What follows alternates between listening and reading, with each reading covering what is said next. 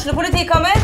Ine Jansen er purk. Er du purk? The motherfucking bitch. Alt jeg vil, er å finne ut hva som skjedde med mannen min. Jon Carew. Er jeg sikta for noe? Iben Akeli. Det er du. Ole So, Lars Berrum og Big Daddy Karsten. Hvem sin side er du på, egentlig? Anette Hoff, Tone Danielsen, Kommer du fra Afrika? Jørnis Josef, Nesten. Kløfta. Trond Espen Seim, Det er synd å si det, men det var feil mann som døde. Purk. Premiere tirsdag på TV2 Play.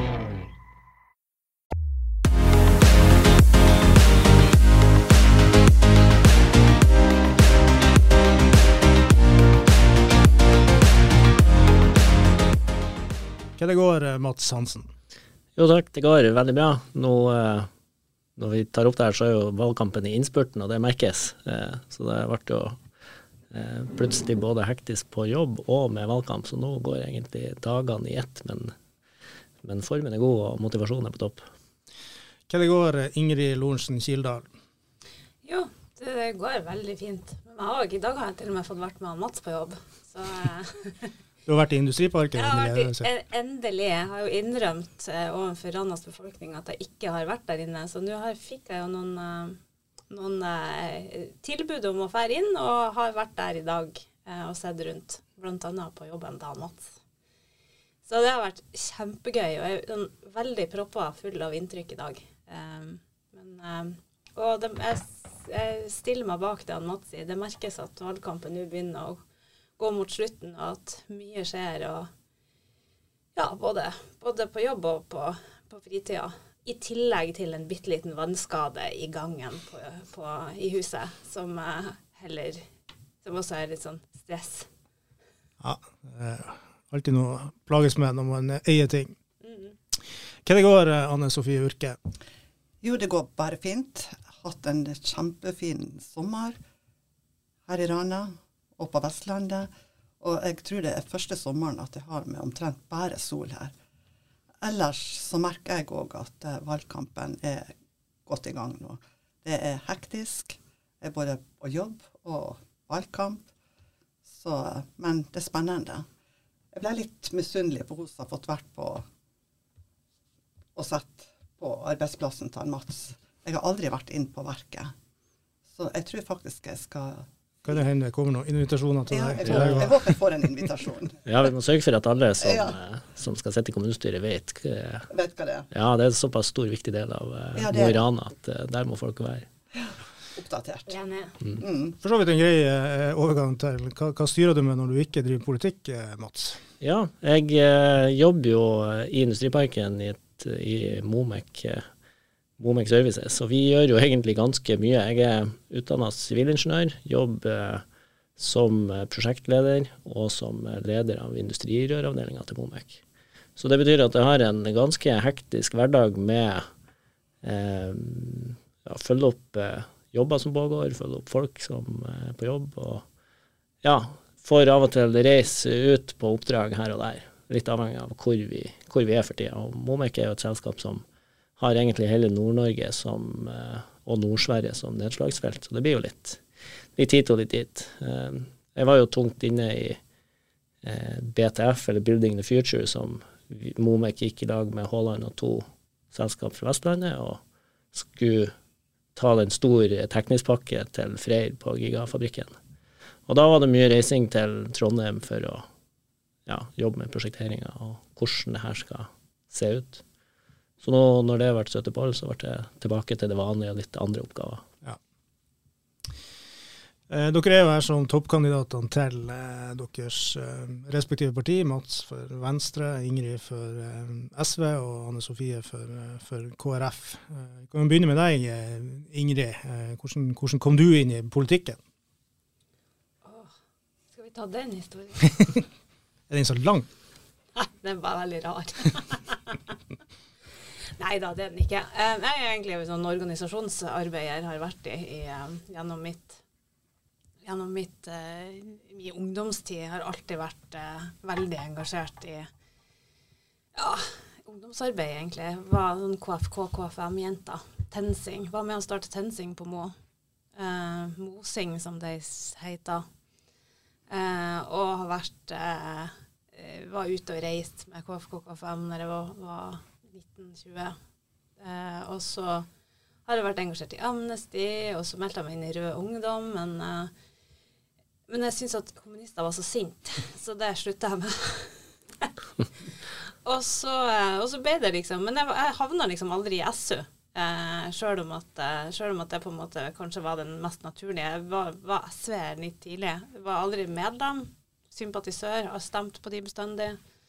Um, og så i 2015 så fikk jeg en kjæreste som uh, var leder i Nordland SV på dette tidspunktet, og da gikk det jo ikke an å ikke være medlem lenger. Uh, det varer jo bare tre måneder eller noe, men uh, det er nå det som er historia. Ja, og nå har du en mann som står på lista. Ja da, men det er nok ikke fordi Det er nok, det, det er nok han eh, Det er nok mer av meg, da. Ja. Jeg traff heldigvis han etterpå. Ja, eh, hva du gjør når du ikke er politiker? Som vel er mesteparten av tida. Ja, det kjennes ikke sånn ut akkurat nå. Eh, men eh, For jeg står jo på valglista til Nordland SV også, sånn at eh, det blir på en måte både fylke og kommune. Men nei, vanligvis er jeg kommunepsykolog. Jeg er utdanna psykolog på NTNU i Trondheim. Jeg har, og jeg har studiepoeng i absolutt alt. Jeg har vel en, ikke noe halvstudert røver, en ekstremt helstudert røver. Så jeg har jo da ti år på universitetet med alt mulig rart. Men har da en psykologutdanning i bunnen eh, og er psykologspesialist og kommunepsykolog. Så jeg jobber i Rana kommune, altså. Anne Sofie, hva du gjør når du ikke er politiker? Ja, når jeg ikke er politiker og ikke er på arbeid. Nei, jeg er nå bestemor, og jeg er veldig glad i å være ute i naturen. Den uh, har jeg stor glede ut av. Da. Vi har en fin natur her i Mo i Rana. Og ja, jeg har nå hus og hytte og er mye på det hus på Vestlandet som jeg har vært på nå i sommer. Vaska, ordna, flidd. Sjelden jeg er der. Så jeg har nok å holde på med. Ja, Nok å styre med. En ja. yrkesbakgrunn? Hva, hva er det? Eh, grunnutdannelse i sykepleierfaget. Og har jobba med veldig mye forskjellig. Starta på Ullevål sykehus. Eh, jobba de fleste plasser i Rana, tror jeg. Det er både på sykehuset som kreftsykepleier. Jeg jobba Eh, flere plasser som avdelingssykepleier. Jeg har jobba som foreleser på sykepleierskoler, hjelpepleierskoler. Jeg har jobba i kulturavdelinga eh, med barn og ungdom. Ja, jeg er potet. Nå har jeg gått tilbake til der jeg starta en gang. Jeg har egentlig slutta å jobbe, jeg begynner jo å bli gammel. Eh, så nå jobber jeg Det var stor mangel på min, min, mitt fag da. Så nå jobber jeg som sykepleier på sykehjem. Mm. Ja. Og det er veldig trivelig. Ja. Og stort behov, som du, som du er inne på. Ja, det ser sånn ut. Ja. Og det er det i hele landet. Ja, ikke sant. Ja. Eh, du har jo vært inne i kommunestyret tidligere, Anne Sofie, men ikke i den perioden som, som er nå. Eh, Ingrid, du, du, er jo ikke fast medlem i kommunestyret, men eh, på topp nå. Men Mats, du har jo vært en stund i, i kommunestyret. Ja perioden som har vært, hvordan, hvordan, har den vært? Det har jo vært eh, det var jo en sak, eh, Skolesaken delte jo eh, både Rana og, og, og politikerne i, i, to, og det ble en ja. så å si jevnstor leire. Eh, Så ganske sånn tight. Men ja. din side tapte. Hvordan, hvordan, har de fire årene vært?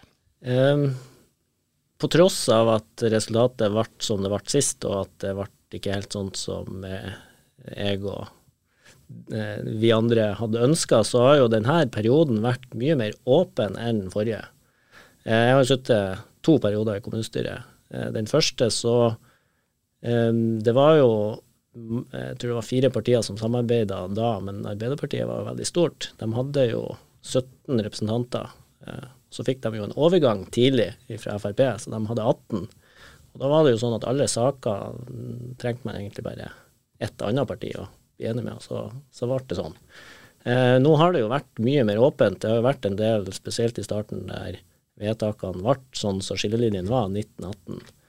Eh, men all den tid du bare trenger ikke sant, én av de, til, de som samarbeider til å kanskje vurdere å gjøre noe annet, så kan du få andre løsninger. Um, og det så vi jo f.eks. i en del budsjettsaker på verbalforslag eh, som handla om eh, natur og klima, så, ville, så stemte MDG i lag med oss som fremma forslag om det. Eh, og så etter hvert så vil jeg si at eh, vi, vi starta jo med litt stille fronter, men eh, med respekt for hverandre, og at det gikk an å være uenige og snakke med hverandre. Og det tror jeg førte til at vi nå det de siste, det siste året egentlig har klart å samle oss om gode ting, uavhengig av hvem de kommer fra. Um, og det syns jeg er en styrke, at man ikke automatisk stemmer ned et forslag bare fordi at det kommer ikke fra en sjøl. Så det lover godt for kommende periode? Ja, altså eh, Det er jo selvfølgelig sånn at ulike partier har ulike prioriteringer, ulike løsninger, men samtidig er det litt annerledes i et kommunestyre. Um, det er mange ting som man, man, har mye igjen for å faktisk bli enige og, og omforent, og så gå i lag. Men eh, Dere har vært ganske samla i, i opposisjonen. Dere har jo stort sett levert felles eh, budsjettforslag. Eh, nå sist eh, brøyt Venstre og du ut og hadde deres eget. Det er et signal om at man gjerne vil eh, se til den andre sida òg, at man kan tenke seg å samarbeide med andre? Ja, altså Vi sa jo det når vi hadde landa lista, at uh, vi er villige til å samarbeide med de partiene som eh, ja, si ja til en del av våre valgkampsaker. Eh, og vi har ikke lyst til å låse oss verken hit eller dit, fordi at skal du lykkes med noe, så er det en større fordel å være en del av flertallet, posisjonen, enn å være en del av mindretallet. Og min erfaring nå som åtte år i, i opposisjon er jo at du får til noe, men ikke like stor gjennomslagskraft som hvis du eh, klarer å komme i posisjon og en del av flertallet. Eh, så, og vi ønsker jo både å, å få fremma våre løsninger, for i en gruppering når du er én, så blir du litt mindre synlig. Så det var både det at vi ønska å være mer synlige, men òg at eh, det var et signal om at vi er åpne for de som vil det samme som oss, rett og slett. Ja. ja. Ingrid, hva SV tenker om det som skjer etter valget? Ja, hva vi tenker? masse. noe skal vi si, og noe skal vi ikke si. Er det ikke sånn det Du får si det dere kan si. Eller aller helst si det dere ikke kan si. ja, ikke sant. Eh, nei, altså, vi er jo vi, er, vi, har jo vært en del av posisjonen. Det er ikke noe hemmelighet at vi kommer jo til å tenke de baner igjen, eh, uten at eh, uten at det liksom er skrevet i stein. Eh, fordi at eh, det handler jo, som Mats sier, det handler jo om hva er det slags saker man får igjennom hvis vi får igjennom eh, gode SV-saker eh, i posisjon, så er det klart at vi ønsker jo også å ha, ha, posisjon. Vi ønsker også å være en del av de som kan bestemme, fordi at uh, du, får gjennom, du får gjennom mest hvis du er en del av flertallet. Eh, så, så, det er klart at, eh, at vi, vi, er absolutt villige til å gå inn i forhandlinger med de som vil samarbeide med oss. Eh, nå er jo Arbeiderpartiet selvfølgelig en, en, naturlig samarbeidspartner for oss. Eh, vi skal nå ha valgvake i lag, og det, det, har vi hatt før. Så, sånn at jeg tror ikke, jeg tror ikke vi, vi, kommer nok ikke utenom Arbeiderpartiet. det vil vi heller ikke. Nei, ikke sant. Anne Sofie, KrF, hva, hva, tenker dere med tanke på blokken etter valget? Altså, Vi tenker vel òg eh, på samme måten da, at vi skal få gjennomført vår politikk. da, og man er jo politiker fordi at man har saker man spesielt brenner for. Og jeg har jo mine saker, da, helse og sosial og frivillighet og skole. Uh, så jeg vil jo Jeg håper jo at vi kommer i posisjon. Det er jo derfor at man kjemper ja. og holder på med valgkamp. Det er ganske heftig òg nå for tida, da. Siste innspurt. Så vi ønsker jo å få gjennomført vår politikk. Så vi syns det er veldig bra. Ja. ja. Og da kan det være aktuelt å snakke med Geir Våge og kompani òg? Eh, vi har ikke bestemt oss eh, for hvem vi skal snakke med. da. Vi eh, har kun konsentrert oss om våre kjernesaker. Ja. Mm. Og det skal nå først gjøres uh, unna det her valget, så man uh, vet hvordan uh, situasjonen er i det kommende kommunestyret. Mm. En sak som har seila opp og vært eh, diskutert ganske mye, spesielt i det siste, for så vidt alltid en diskusjon, det er jo gjerne mye det politikk handler om, men det er jo forholdet mellom eh, hvor mye bruker man på drift, altså tjenestene i kommunen, og hvor mye setter man av til fond, det som gjør at man er i stand til å bruke ja, bortimot en milliard på flyplass og, og dypvannskai. Bruker man for lite penger på drift, tenker man for mye overskudd eller mindreforbruk, som det jo da heter. Vi kan begynne med deg, Ingrid. Du var jo inne på SV er jo en del av posisjonen. Hva, mm. hva tenker du rundt de her tingene? Uh, altså, I utgangspunktet så tenker jeg i hvert fall at en av de tingene som er utrolig viktig, er å ha en ansvarlig økonomisk politikk. Uh, det, å ha, uh, det, å ha, midler til å, til å, sette av på fond. Det tror jeg er mm. alfa og omega for at man skal kunne drive en god kommunepolitikk. Og så er det selvfølgelig alltid mulig å diskutere i hvor stor grad og hvor mye som skal på fond, og hvor mye som skal på drift. Altså, det er klart at vi er inne i ei dyrtid. Eh, det er ting som skjer nå som gjør at, at eh, tjenesteproduksjonen i kommunen også lider under at ting koster mer. Så det kan jo godt hende at vi må se på fordelingsnøkkelen knytta til det med hvor mye vi skal sette av på fond. Det, jeg, det, det, er ikke noe jeg har i hvert fall tenkt å si bastant noe om eh, eh, akkurat nå. Men, men, eh, men, det, men det samtidig en sånn i en sånn, sånn tid så trenger vi jo at vi fører en økonomisk ansvarlig politikk, sånn at kommunen har det den trenger til å, til å, til å kun også ha store prosjekter etter hvert. Vi har ei skole på Storforseia som sårt trenger hjelp, annet. Og da må vi ha egenkapital for å kunne bygge nytt. Så, så, det er jo en del ting som jeg syns er, det, jeg synes det er kjempevanskelig. Men jeg tenker i hvert fall at de store linjene er at vi må, vi må sette av noe til fond. Ja. Ja. Mats, hva du tenker Ja, jeg eh, Venstre har jo vært med på alle vedtakene om flyplass. Eh, vi har vært med på de store satsingene som har vært, eh, og vi har ment at det har vært riktig å ha en, en trygg økonomi som har gjort at vi kan ha det handlingsrommet. Men så har vi nå sett at når, når, det, når vi er kommet dit vi er nå, når det er gjort eller i, i ferd med å gjennomføres, eh, så er tida inne for å snu kursen. Og vi mener at nå eh, Vi er villige til å redusere handlingsrommet til politikerne, eh, for det er det du skaper deg når du går med store overskudd, og heller øke tjenesteproduksjonen eller ha mer på eh, mer utgifter, rett og slett. Og jeg gjorde en liten øvelse i går, fordi at Én ting er hva man budsjetterer med, og hvordan man tror det skal bli, men så har man selve resultatet etterpå. Eh, og siden jeg kom inn i kommunestyret eh, for åtte år siden, så Nei, for fire år siden vi, så har vi gått med 612 millioner i overskudd. Eh, og det er et snitt på 151 millioner. Og bare for i fjor så hadde vi et avvik, positivt avvik på 500 altså de Eh, overskuddet ble fem ganger større enn man budsjetterte med. Og Noe av det er tilfeldig, noe av det er ikke det. For hvis man går mange år tilbake i tid, så ser man en trend om at man undervurderer inntekter og overvurderer eh, kostnadsøkninger. Sånn at overskuddet blir større hele tida. Eh, så er det selvfølgelig en balanse der at vi må ha Vi kan ikke gå helt bananas og si at nå skal vi gå i null. Men eh, for Venstre er det viktig at skal, vi må ha på plass eh, løpende barnehageopptak, og vi må eh, ta grep som gjør at eh, etterslepet på vedlikehold av bygninger reduseres, og vi må være rigga på en litt annen måte, sånn at vi faktisk er klar for konsekvensene av økt folketall, f.eks. hvis Freyr trør på gassen igjen. Ja, um, så handler jo noe om det her om at man har en del usikre inntekter, altså konsesjonskraft og, og som vil kunne svinge litt. Inntektene fra, fra det, utbytter, vil mm. kunne svinge. Uh, skal vi budsjettere med at de her inntektene, det, det får vi? Jeg tror jo det som er viktig, er en del av de grepene som vi har gjort. F.eks. så har kommunestyret enstemmig sagt at eh, inntekter, eller hvis overskuddet blir større enn budsjettert, så skal vi sette det på et vedlikeholdsfond. Eh, og der eh, Eh, var Jeg skal ikke si rådmannen prøvde seg på å endre på det, men han foreslo at vi ikke skulle sette hele den summen på 20 millioner som var for fjoråret.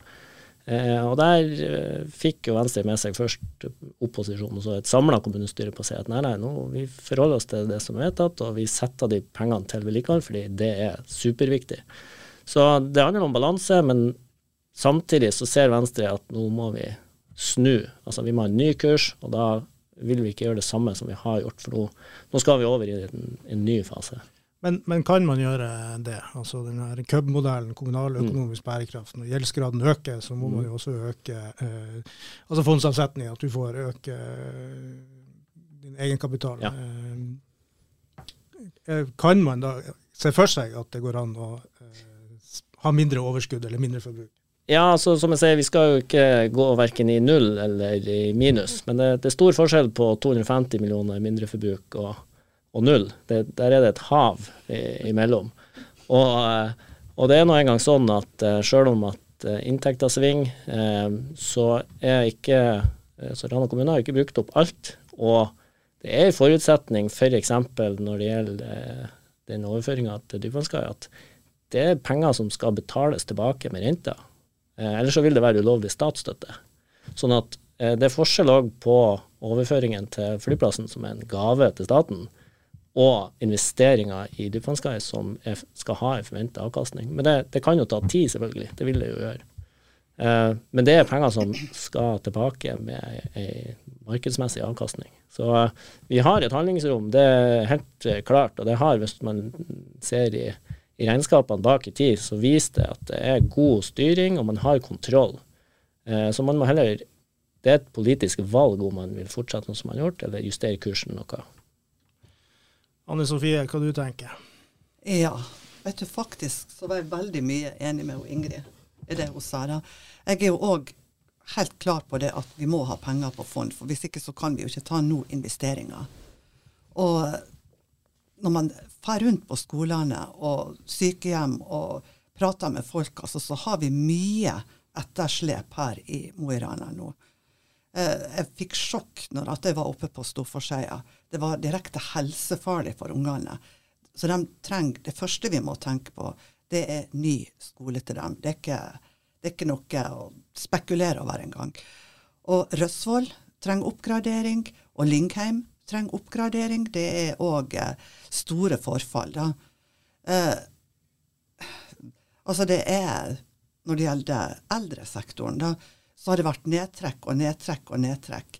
Og jeg har, jeg har skrevet inn i Rana Blad det har vært politikere som har spurt i kommunestyret hvordan er det med nedtrekk på De stenger sykehjemsrom og blir lagt ned. Nå er det vel 20 til oppe på Gruben. Vil si 62 sykehjemsplasser som er lagt ned. Og hvorfor? Når at vi har en eldresektor som går opp. Eh, vi får ikke svar på hva er målet? Hvor mange sykehjemsplasser de er tenkt å legge ned? Eh, man skal kjøre på rykter, men det er snakk om enda flere, får jeg høre. Men vi får ikke noe svar. Og jeg eh, har snakka med flere politikere, da, og de har heller ikke fått svar fra administrasjonen hvor mye målet er. da. Og eldreboliger så flytter de inn eh, de med funksjonsnedsettelse. da. Det må jo bygges boliger som er funksjonelle for dem og la eldre få bo i sine kompleks, og ikke bli fratatt dem òg. Eh, vi har jo demente nå som går rundt og svirrer. Det er ikke plasser til dem. da. Eh, altså sånt, Frivilligheter kan ikke rydde opp i alt. Selv om det at da får du mye for hver krone. da. Og jeg vet jo det at eh, det er pågående, da, sånn at det er forventninger til at frivilligheten skal rydde opp. Og det, jeg er òg engasjert der. Da er jeg med i styret i Termik. jeg eh, har faste oppdrag med barvogner, eh, sånne ting. Da. Men vi kan ikke forvente at frivilligheten tar som lovpålagte oppgaver. Så jeg tenkte at uh, vi, må, vi må sikre de lovpålagte oppgavene. Da. Og jeg var den første som har vært på fylket og støtta opp om dypvannskaia. Vi har støtta flyplassen. Selvfølgelig skal Mo i Rana ha flyplass. Og jeg var nå ivrig og la fram eh, det her med dypvannskaia men når industrien sjøl ikke er med på spleiselaget engang, da, så tenker jeg at det, eh, det blir ikke rett. Og har vi hatt mye penger? Ja. Men når ikke vi har det Vi står der sånn Vi vet jo det at eh, det er drifta som må ned hvis vi skal investere mer. Ja. ja. Uh, Ingrid, kultur uh, sentral plass i, i deres program, og ikke minst kulturhus, som jo har vært diskutert uh, lenge før jeg kom til Rana, og for så vidt sikkert siden jeg var født, og vel så det. Ja. Hva, hva skal man finne på der? Hvor lenge skal man vente? Nei, helst ikke så veldig lenge. eh, vi har jo på en måte tatt litt til orde for også, og, og, litt sånn resirkulering av gamle bygninger. Og vi får litt pass for det, og det kanskje med rette, altså. fordi eh, Vi vet jo at den der kinoteaterbygninga er fryktelig dårlig, og at den kanskje egentlig ikke er noe redd. Men så er det sånn at for oss som skal være politikere, så står det to bygninger midt i byen og bære forfall. Det er Rådhuset, og det er Kinoteatret. Og våres, vi har jo ikke tenkt ferdig. Det skal vi nå være de første til å innrømme. Men jeg syns at det er for galt at det skal være sånn at, de, at to sånne signalbygninger midt i byen skal stå og forfalle. Eh, og da er det liksom et eller annet med Skal vi da jevne det med jorda og bygge nytt? Det er mulig at det er det som på en måte er eneste, eneste saliggjørende. Det, det, er ikke sikkert det er mulig noe annet. Det jeg er ingen byggingeniør, så det skal jeg definitivt ikke ta på meg. Begynner å høre styrt ut, det her. Ja. men, men, det er et eller annet med det at, at ja, til slutt så rammer det bygninger i hop. Eh, og jeg eh, syns ikke at Rana kommune, eller Rana som samfunn, er, er Altså, vi fortjener at vi har ordentlige kulturbygninger. Det syns jeg. Så det er nå sånn eh, man kan jo være enig eller uenig i det, men, men i alle fall så, så, har vi tatt til orde for at man i hvert fall kan gjøre en, altså se litt på hvordan kan det gjøres. Det er gjort en utredning i 2018, tror jeg, med ombygging av Kinoteatret. Eh, da var vel prislappen på 230 millioner, og det tippa jeg litt høyere i dag. Eh, men vi har et kulturhusfond. Det syns jeg vi skal bruke på kulturhus. Og jeg kjempeopptatt av at vi skal ha et funksjonelt kulturhus eller kulturkvartal for å for, for Ranas befolkning. Ikke, jeg syns ikke vi skal ha ei sånn storstue sånn som Stormen er i Bodø, der det kun er Halvdan Sivertsen som kan, kan, ha råd til å ha konsert på scenen der, liksom, eller andre store navn. Eh, jeg vil at det skal være et, et sted der også amatører, ungene, kulturskolen, skal kunne eh, utøve sin kunst og sin kultur. Så det er liksom Jeg syns det er veldig viktig. Yes. Ja, Mats? Ja, vi har jo egentlig sagt at vi er positive til kulturhus, men det, viktigste blir til syvende og sist innholdet, som Ingrid er litt inne på. Og vi, med det mener jo vi òg at det har ingenting for seg å bygge et uh, stort, flott bygg som ingen får råd til å bruke. Og, og, og det blir jo ofte konsekvensene, så at det, det, blir et dyrt prosjekt som skal finansieres delvis med, med dem som skal bruke det. Um, så vi har eh, på ingen måte helt landa løsninger, og derfor har vi sagt at vi stiller oss positive til arbeidet, men vi, vi har ikke låst oss på at uh, de neste fire årene skal vi bygge et uh, kulturhus. Uh, så vi er litt avhengig av hva som skjer ellers, og det som jeg var inne på før, at det er sammenhengene og, og totalen som blir viktig, egentlig. Hva har vi råd til, hva må vi prioritere? Eh, og vi vil, eh, vi vil få til et eh, kulturhus, kulturlokale, men detaljene, det, det, har vi ikke. Og da har vi heller ikke Vi har landa på at vi vil ikke forplikte oss til det gjennom eh, et valgløfte, f.eks. Så vi holder det heller åpent og eh, vil ha ny kunnskap før vi tar et sånt valg. Anne Sofie, har vi råd til kulturhus, kulturkvartal med de utfordringene du var inne på i helse og omsorg? Jeg holder meg jo veldig på det som Mats sier, at uh, vi òg er jo positivt at, til at Rana skal få et kulturbygg. da. Men uh, sånn som vi ser situasjonen, da, så må vi jo tenke helhetlig. da. Vi må først og fremst ta vare på de her lovpålagte, helt nødvendige oppgavene våre. Da. Men en ting jeg stusser på, da nye Gruben barneskoler, de har ikke musikkrom. Det, den, det er bygd for liten. Så de har aldri hatt eh, Det, det er klasserom. Det er gjort om til klasserom. Hvorfor altså ikke tenke Rana kommune langsiktig når de bygger en helt splitter ny skole? Og det er hele tida snakk om kultur, kultur, og hvor ungene skal eh, ha det.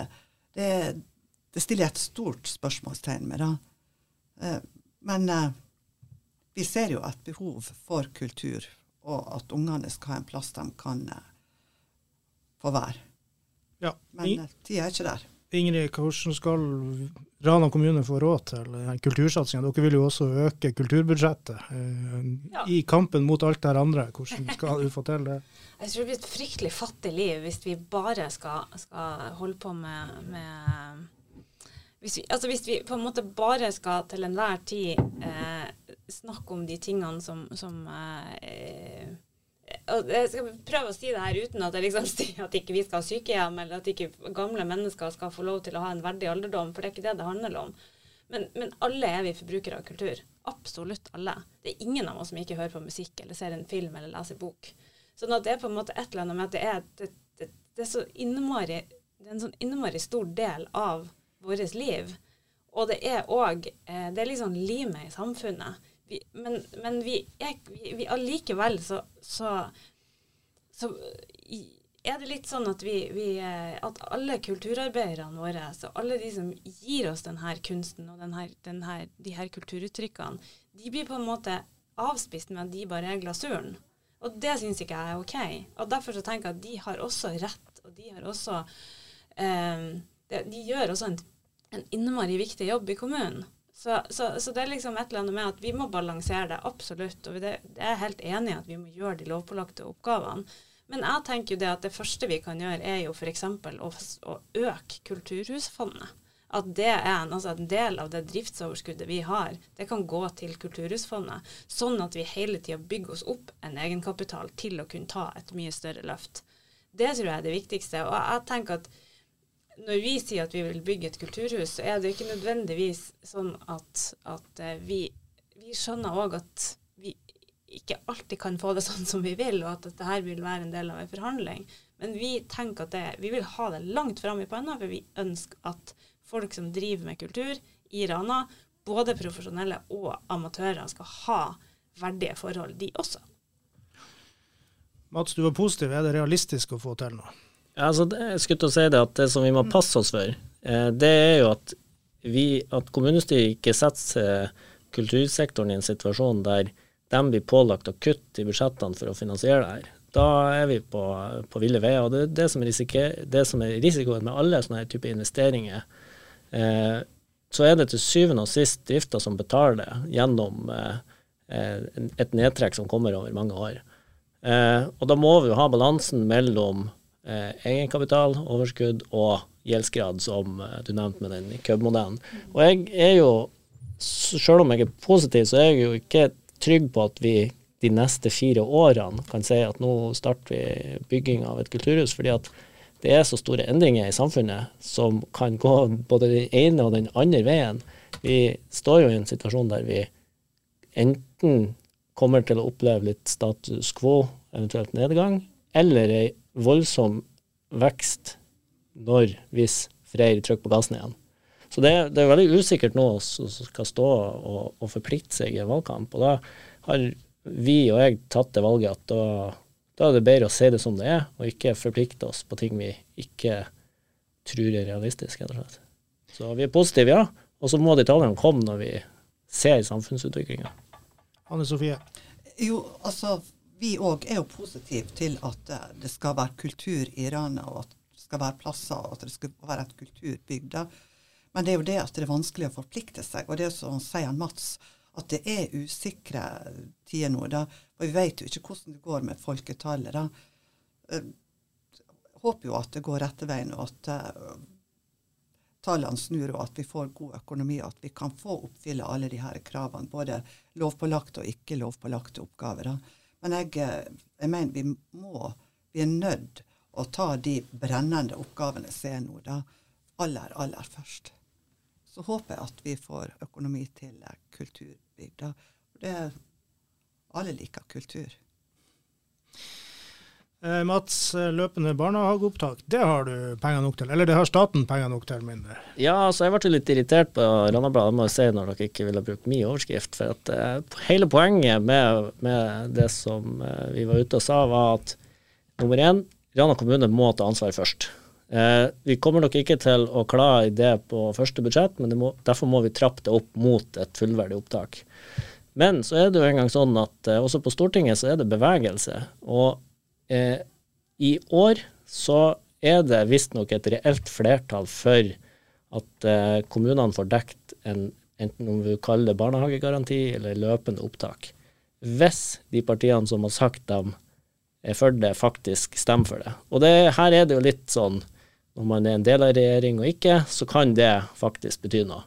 Men det reelle flertallet, hvis du ser gjennom parti og representanter på Stortinget, så er det flertall for å ja, ha løpende barnehageopptak. Men Venstre er tydelig på at vi vil at Rana kommune må prioritere det sjøl.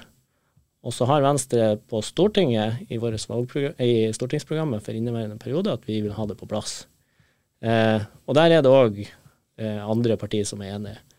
Men frem til at det faktisk skjer, så kan ikke Rana kommune lene seg tilbake og si nei, det her blir vanskelig, og det her har vi ikke råd til.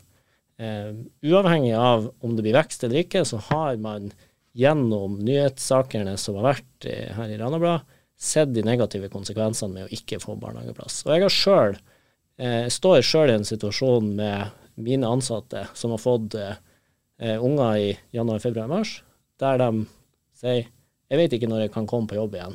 For jeg aner ikke når jeg får barnehageplass. Og vi må, vi må klare det her med eh, fri, ulønna permisjon osv. Det er kjempeutfordrende for dem, men også utfordrende for næringslivet. Så Derfor er det så viktig for, for Venstre at det må på plass. Og vi snakker om løpende barnehageopptak, så er det jo at man får plass i barnehagen når man, når man trenger det, og ikke at man må vente fordi at man er født etter en eh, gitt dato. Ingrid, 12-15 eh, millioner i året, som det er sagt at det vil koste. Har Rana kommune råd til det? Får vi på plass løpende barnehageopptak hvis ikke staten kommer på banen, som Mats eh, håper og tror? Jeg håper også at staten kommer på banen. så det var ikke det. Ja, jeg, jeg, jeg, jeg, tenker at vi må bare si ja til det. For det er så mange. Nå har jeg prata med så mye folk på stand i gågata eh, om at eh, de, de må de har ikke barnehageplass. Vi har gjort et, prøve, et prøveprosjekt på det. Det, vært, det, var populært.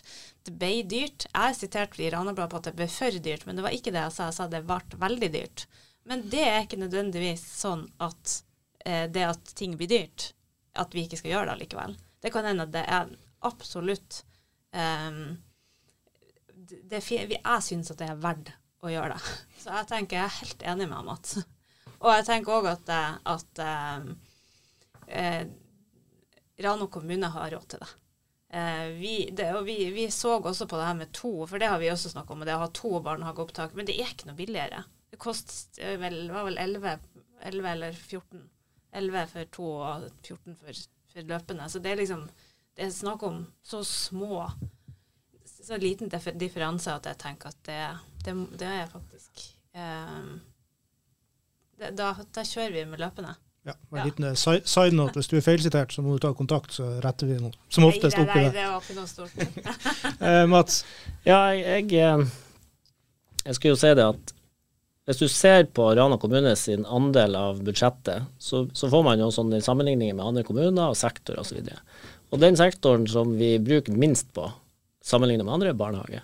Og hva betyr det egentlig at, at, at, at, eh, at løpende barnehageopptak koster penger? Jo, det betyr at du må ha flere ansatte eh, som ikke følger minimumsnormen. Altså da, da, har du flere ansatte per unger, flere pedagoger per unger. Og det får, medfører jo noen positive konsekvenser. sant? Eh, fordi at du da får flere til å, å, gi et bedre pedagogisk tilbud og følge opp eh, ungene. Og vi, vi, får jo fortalt til kommunestyret at eh, Rana kommune kjempe driver veldig effektiv drift på barnehagesida. Og det, det, er jo for så vidt rett, men det, det, det betyr, det er at vi er best på å levere minst. Vi er best på å levere minimumskravet. Og da, Det er en politisk ambisjon om du skal være best på minimumskravet, om du skal si at barnehage det er så viktig at vi skal være over minimumskravet. Og Derfor er det eh, viktig at kommunestyret må ta det valget, og ikke bare lene seg tilbake og vente på at noen andre, noen andre skal fikse det. Anne Sofie, Helt klart, vi må ha kontinuerlig barnehageopptak. Det er så utrolig viktig hvis vi skal få barnefamilier til å flytte til Rana. Det er alfa og omega. Og det er ikke alle som har familie som kan stille opp. Eh, slettes ikke. Og dessuten så er det jo ikke sånn som det var før i tida, at eh, besteforeldre var i arbeid, og at det var dagmamma. Det er sånn som det var når mine var små. Eh, så det, det, er helt, helt, helt nødvendig at vi eh, Vi kan ikke se på kostnader der. Da. Vi må jo òg tenke vi får jo noe tilbake. Skattepenger, de som både arbeid legger jo igjen, og ja, det kan gå i pluss. Eller ikke så veldig mye mer i minus. Da. Det har vi ikke regna på. Sånn, de skattepengene så, Jeg ble ganske opprørt når jeg så uh, hun som måtte vente i ni måneder før at hun kunne begynne i jobb. Da. Det er Du frister ikke å flytte til Rana. Da, da tror jeg jeg hadde flytta til Hemnes. Eh, penger er det ene, Mats, men klarer vi å rekruttere nok folk, da? Ja, det var bra du, det var bra du spurte om. For det, det er jo sagt på, på, mange områder at vi kommer til å gå tom for hender lenge før vi går tom for penger, altså som samfunn. Eh, vi ser det i eldresektoren, vi ser det i, i, på lærersida, vi ser det òg på barnehagesida, i sånne nasjonale trender. Eh, så det er jo den reelle Altså det som virkelig kan sette stopper for det, å og få det til, i hvert fall på kort tid, det er jo rett og slett at vi klarer å få tak i nok mange, eh, både barnehagelærere, men òg eh, folk med fagbrev. Eh, barne- og ungdomsarbeidere. Og Derfor er det jo så viktig det arbeidet som i hvert fall påbegynt i Rana kommune med en rekrutteringsstrategi. Eh, der er det gjort et godt arbeid på hvordan skal vi eh, få tak i kompetanse, hvordan skal vi beholde kompetanse, og hvordan kan vi videreutvikle våre ansatte. Så det som gjenstår der, er rett og slett å, å ta det ut. Altså at det ikke bare er til papir, men eh, operasjonalisere det og få det satt i verk.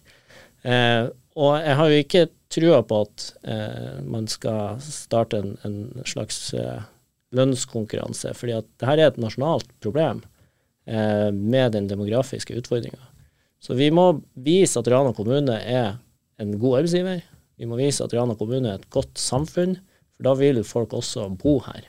Og det der er ikke noe man kan eh, vedta i kommunestyret. Og Derfor òg eh, er det jo viktig at man står samla om de der store, tunge løftene som faktisk kreves at det må jobbes langsiktig og, ja, og strategisk. Så eh, det er ikke lett å få til, men bestemmer man seg, så er det i hvert fall mulig.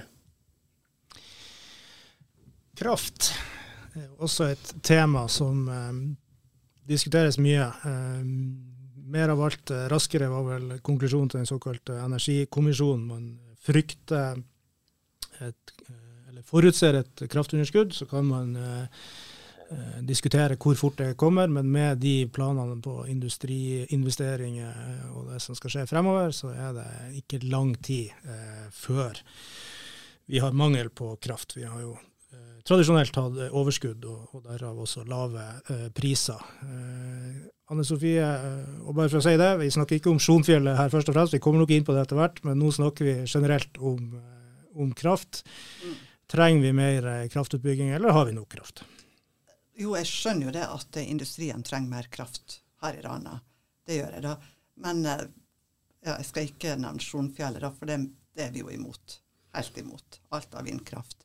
Men eh, vi kan jo se på andre alternativer. Da. Og da tenker jeg på aller først altså, sånn oppgradere vannkrafta som vi allerede har. Jeg vet at det, eh, det er ikke sånn veldig mye mer du kan oppgradere den her i Rana. Da.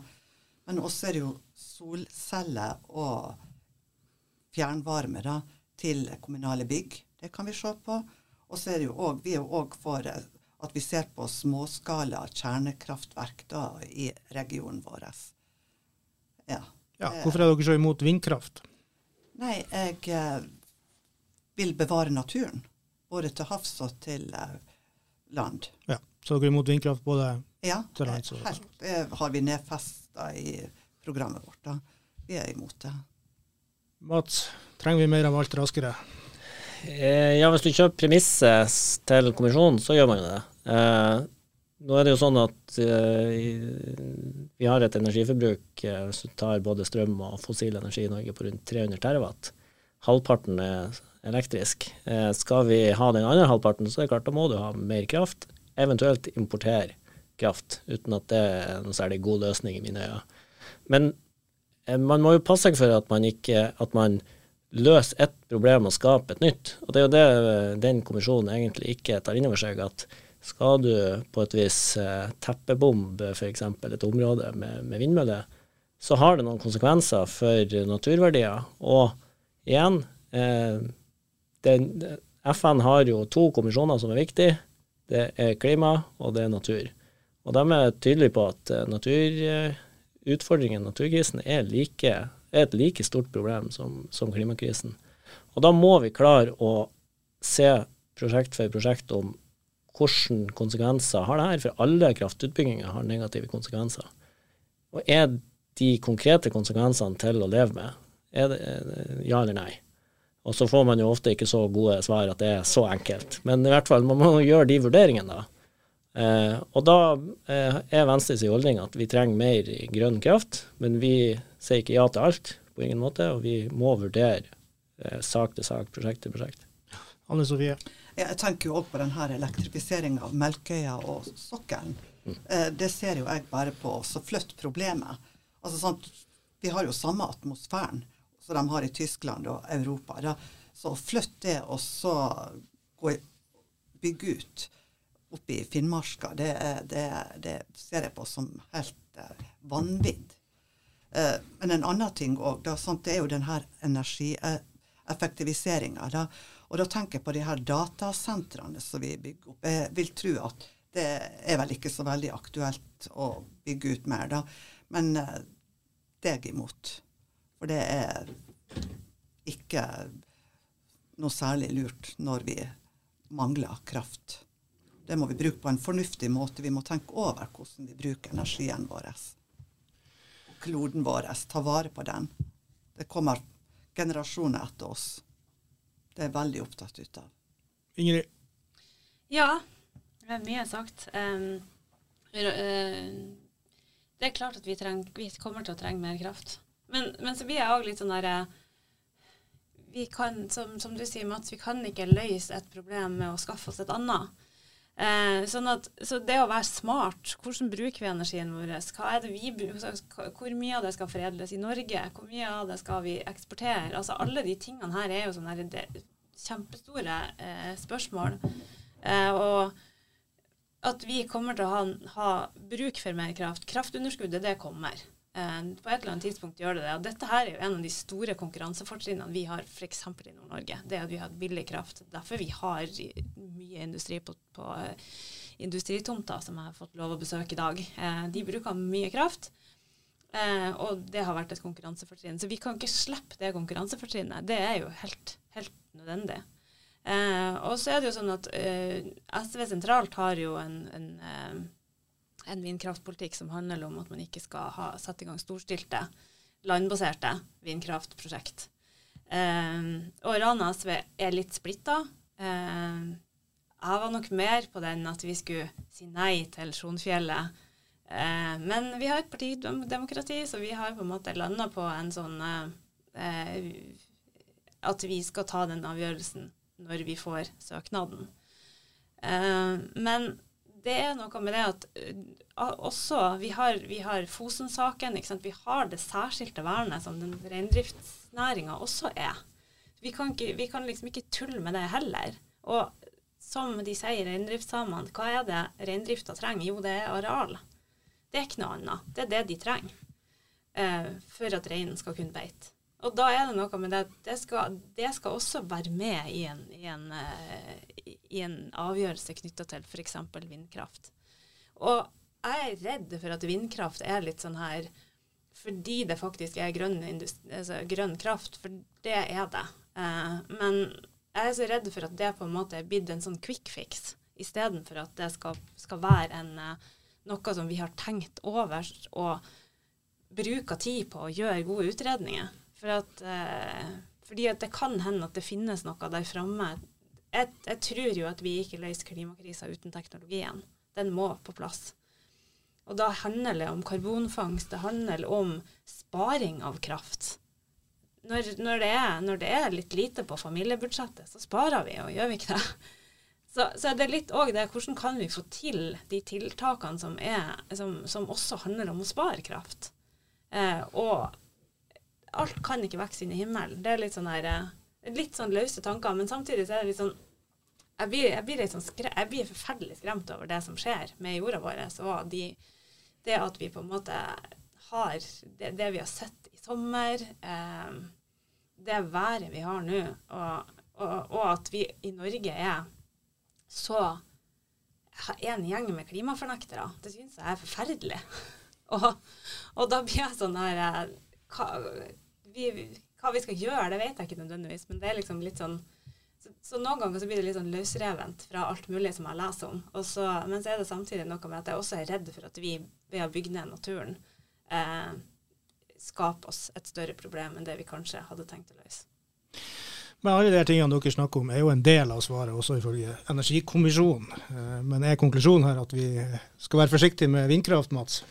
Eh, ja, altså eh, Vindkraft har jo vist seg å være uhyre vanskelig å få til.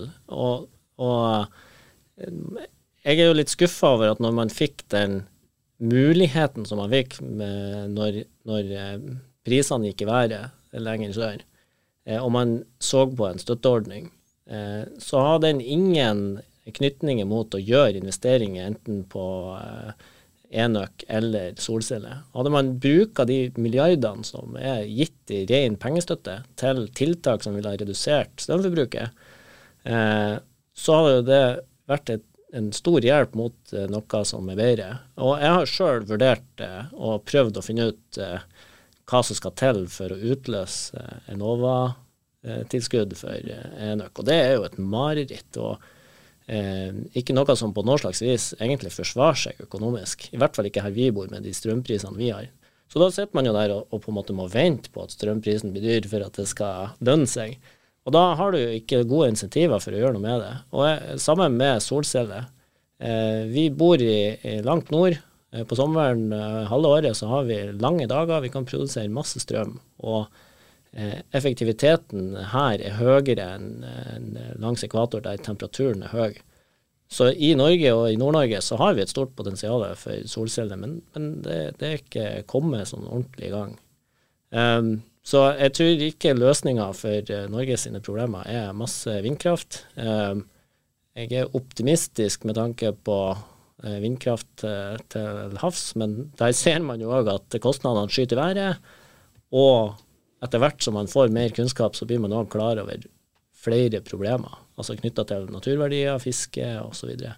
så enkle svar er det nok ikke, men jeg, jeg, tror at i et globalt perspektiv så kommer man ikke unna kjernekraft. Det er gitt det vi vet i dag, eh, og de mengdene man må ha, så er det det som er alternativet til fossil energi. Når har vi kjernekraft i Norge, da?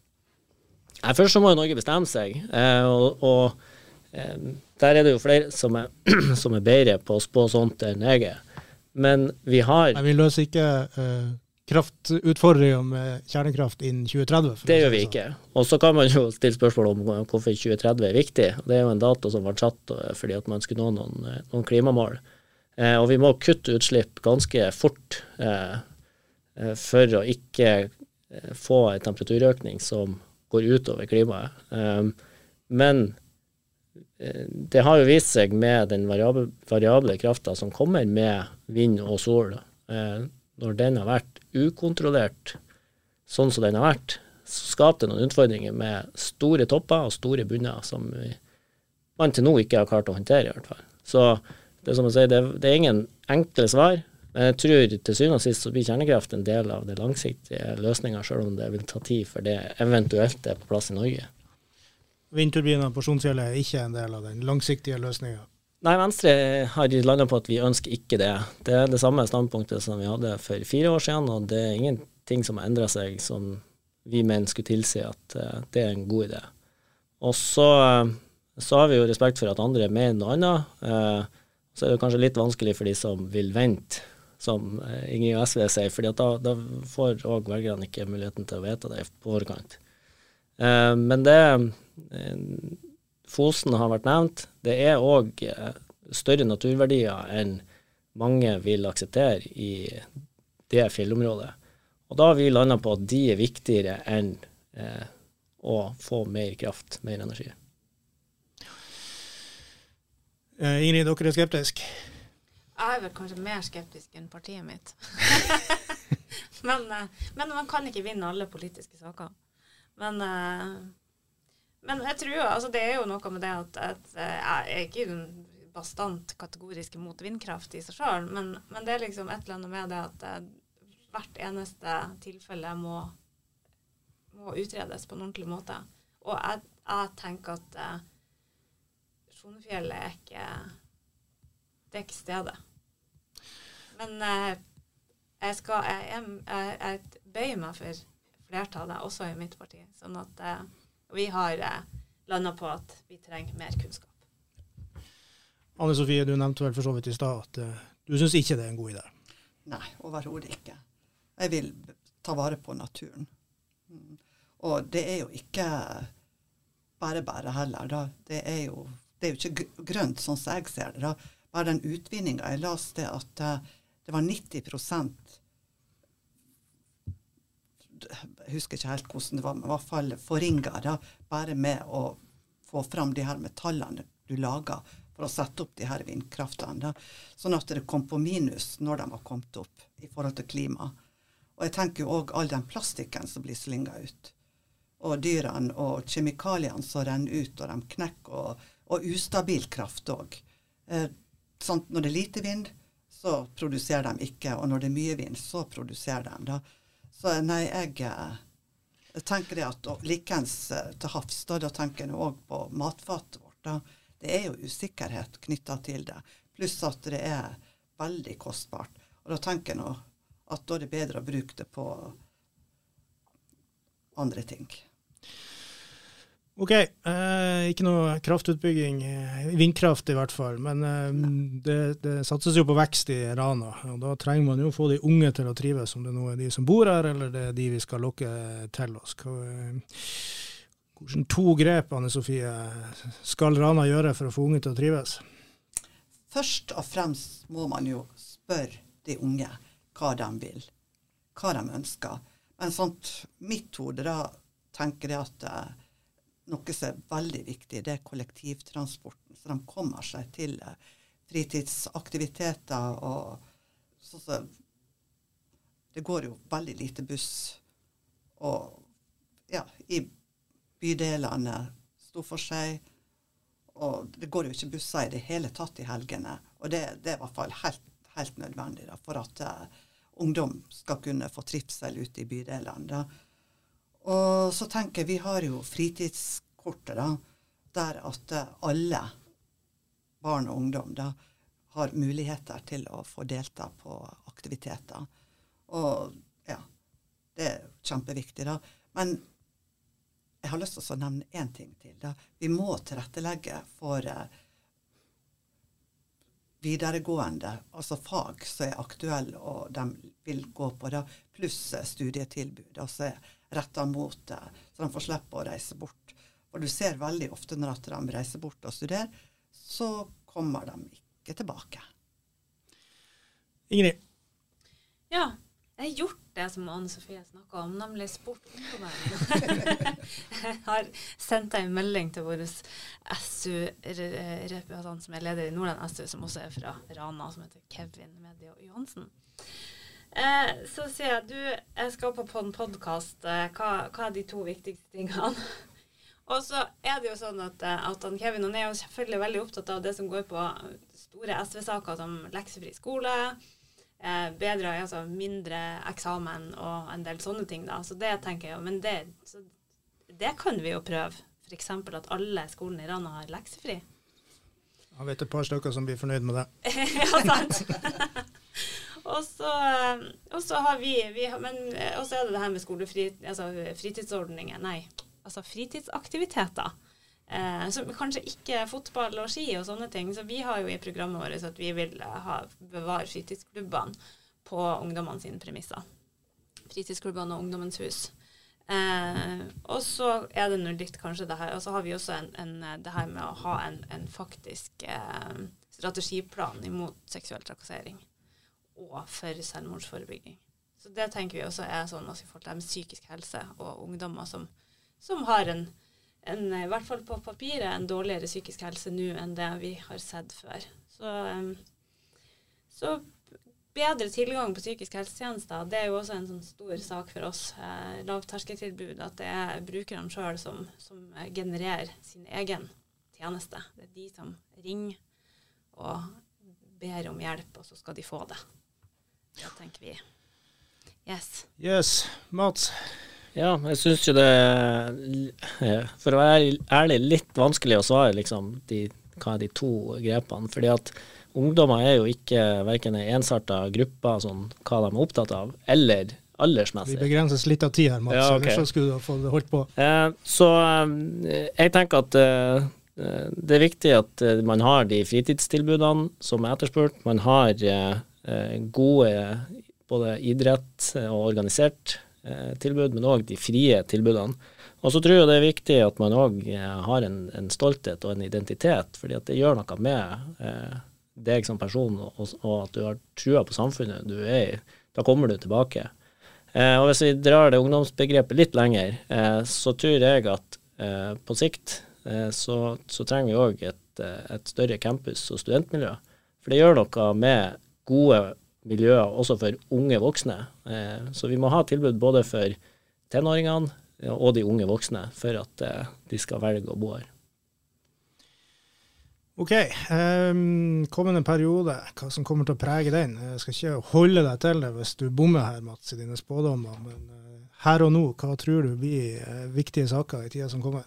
Ja, altså skal man uh, Jeg tror jo det at ekstremværet kommer til å øke i styrke fremover, dessverre. Og det vi har jo vært skåna i Mo i Rana for det i år. Det tror jeg ikke vi kommer til å være fire år på rad, for å si det rett ut. Vi kommer til å oppleve flom, oversvømmelse og andre ting som kommer til å prege både hverdagen til folk, men ikke minst budsjettene til kommunen og, og, grep som må tas. Eh, og så tror jeg vi kommer til å stå enten i et uh, vekstsjokk eller ei demografiendring som eh, vi ikke setter like stor pris på. Altså Enten så kommer vi til å få ei eksplosiv økning i folketallet, eller så kommer, eh, kommer, vi til å få en reduksjon og eh, flere eldre og færre yngre. Og, og, med de utfordringene det skaper rundt strukturendringer nok en gang, osv. Så, videre, og så, videre. så det er to, eh, ja, to ting jeg tror kommer til å skje, men vi får da. Ingrid? Ja, hva kommer til å skje? Jeg er utrolig dårlig på spådommer. Jeg bruker alltid å ta feil. Så hva, hva, som kommer til å skje kommende periode, det tror jeg egentlig at uh, ja, Nei. Jeg vet ikke. Kan ikke jeg få si det? Svare det du vil. Anne Sofie, har du spåkula, da? Jeg har nettopp satt inn i henne. Nei, jeg eh, tror at uh, eldrebølga er noe som kommer til å prege oss framover. Og at uh, vi er nødt til å gå inn med mer midler der. da vi har programfesta det at vi ønsker å bygge et nytt sykehjem, da spesielt for demente. Og vi ser det behovet. Og vi ser jo òg at skjermer, altså de som trenger særskilt Vi har bare fire plasser, og det står mange i kø bare på det. Så vi er nødt å oppgradere den biten. der. En annen ting jeg tror, det er at uh, vi kommer til å få befolkningsvekst. Og da må vi uh, bygge mer skoler, utvide. Det er ja, barnehager. Så det kommer et, ja, jeg tror det blir en stor vekst i Rana. Jeg er positiv. Mm. Jeg vet noe flere. Jeg har nå sønn og svigerdatter som skal flytte hjem nå, så. Og det er positivt. Det er jo pga. at de tror på befolkningsvekst, og at Rana er, i vekst. Mm. Og det er nok mange flere også kommer til å komme pga. det, tror jeg. OK. Uh, Ingrid, du sitter på valgvake i landet med Geir Våge. Han må jo til sin store overraskelse innse at det er jo Ingrid Lorentzen Kildahl som eh, blir den nye ordføreren i, i, Rana.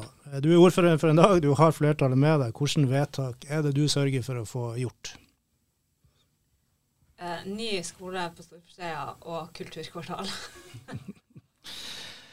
to saker, men det får være greit. For på Storforsøy så er det vel allerede sagt at alle vil, vil være med, så det er vel ikke noe eh, stor sak. Kulturkvartalet kan jo bli verre.